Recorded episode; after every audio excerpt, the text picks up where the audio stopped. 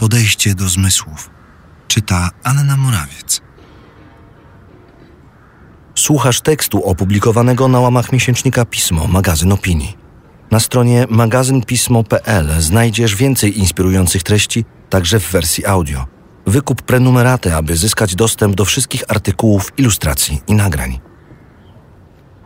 Zacznę od gniewu. Chyba wciąż niewiele osób wie, że od kilku lat na całym świecie istnieją tak zwane pokoje furii.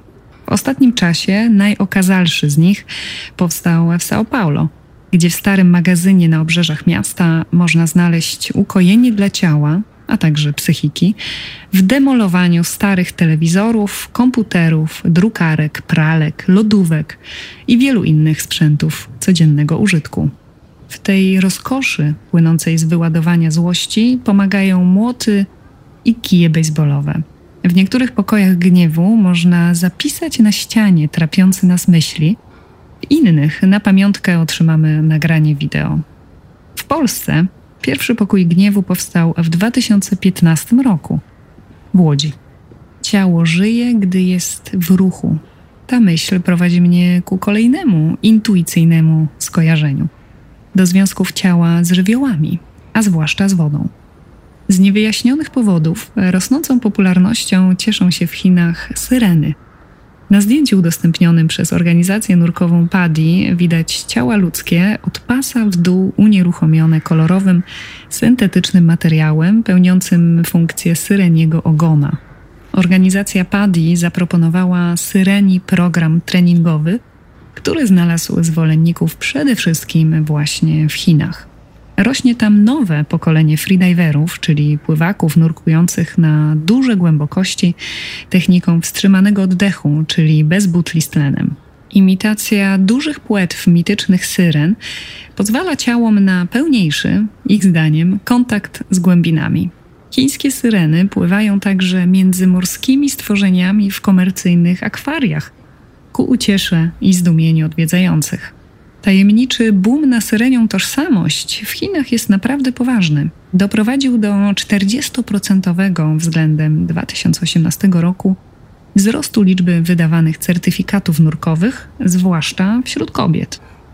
Ciała lgną do wody także w Wielkiej Brytanii, gdzie pandemiczne ograniczenia dały impuls do kąpieli na odkrytych pływalniach. Rady kilku miast szybko odpowiedziały na tę potrzebę. Na przykład Hull przeznaczyło ponad 4,5 miliona funtów na renowację opuszczonego, ale imponującego kamiennego basenu przy Albert Avenue, położonego w jednej z najbardziej zaniedbanych dzielnic. W latach 30. ubiegłego wieku zbudowano w Wielkiej Brytanii setki takich kąpielisk, głównie dla społeczności robotniczych, jako element zdrowia publicznego i dbałości o higienę. Teraz przeżywają renesans, a woda ma jednoczyć różne grupy społeczne.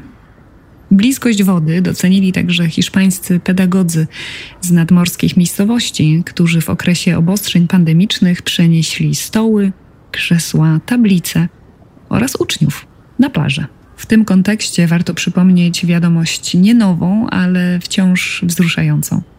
W 2016 roku o zrównoważony kontakt ciała z wodą zadbali włodarze peruwiańskiego miasta Puerto Chicama.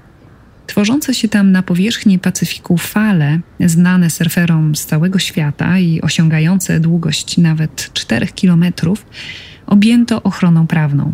W jej ramach wprowadzono zakaz inwestycji budowlanych w strefie przybrzeżnej w promieniu jednego kilometra od linii brzegowej.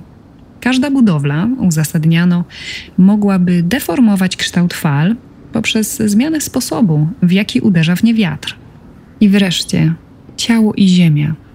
Amerykańska firma Recompose otworzyła dom pogrzebowy zamieniający ludzkie szczątki w żyzną glebę proces tak zwanej naturalnej redukcji organicznej, który oznacza kompostowanie ludzkich zwłok, trwa około 30 dni. Ciało zostaje umieszczone w kapsule zawierającej m.in. słomę i odpowiednie bakterie. Następnie co kilka dni wprawia się kapsułę w ruch. Jest coś zmysłowego w idei kompostowania ludzkiego ciała, przynajmniej dla tych osób, dla których kremacja i złożenie urny z prochami w pniach drzew to za mało. Pragną oni pochówku jak najmniej ingerującego w środowisko. W ten sposób ciało zamienia się w żywioł ziemi. Niektóre rodziny decydują się na przekazanie powstałej gleby do Bells Mountain, chronionego lasu w amerykańskim stanie Missouri. Patrzę na zdjęcia przedstawiające bogatą, dziką przyrodę tego terenu. Wysokie sosny, czyste górskie stawy, kwitnące łąki, smukłe brzozy.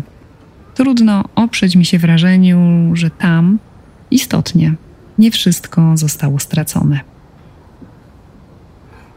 Felieton ukazał się w 42 numerze miesięcznika Pismo, magazyn opinii. Czytała Anna Morawiec.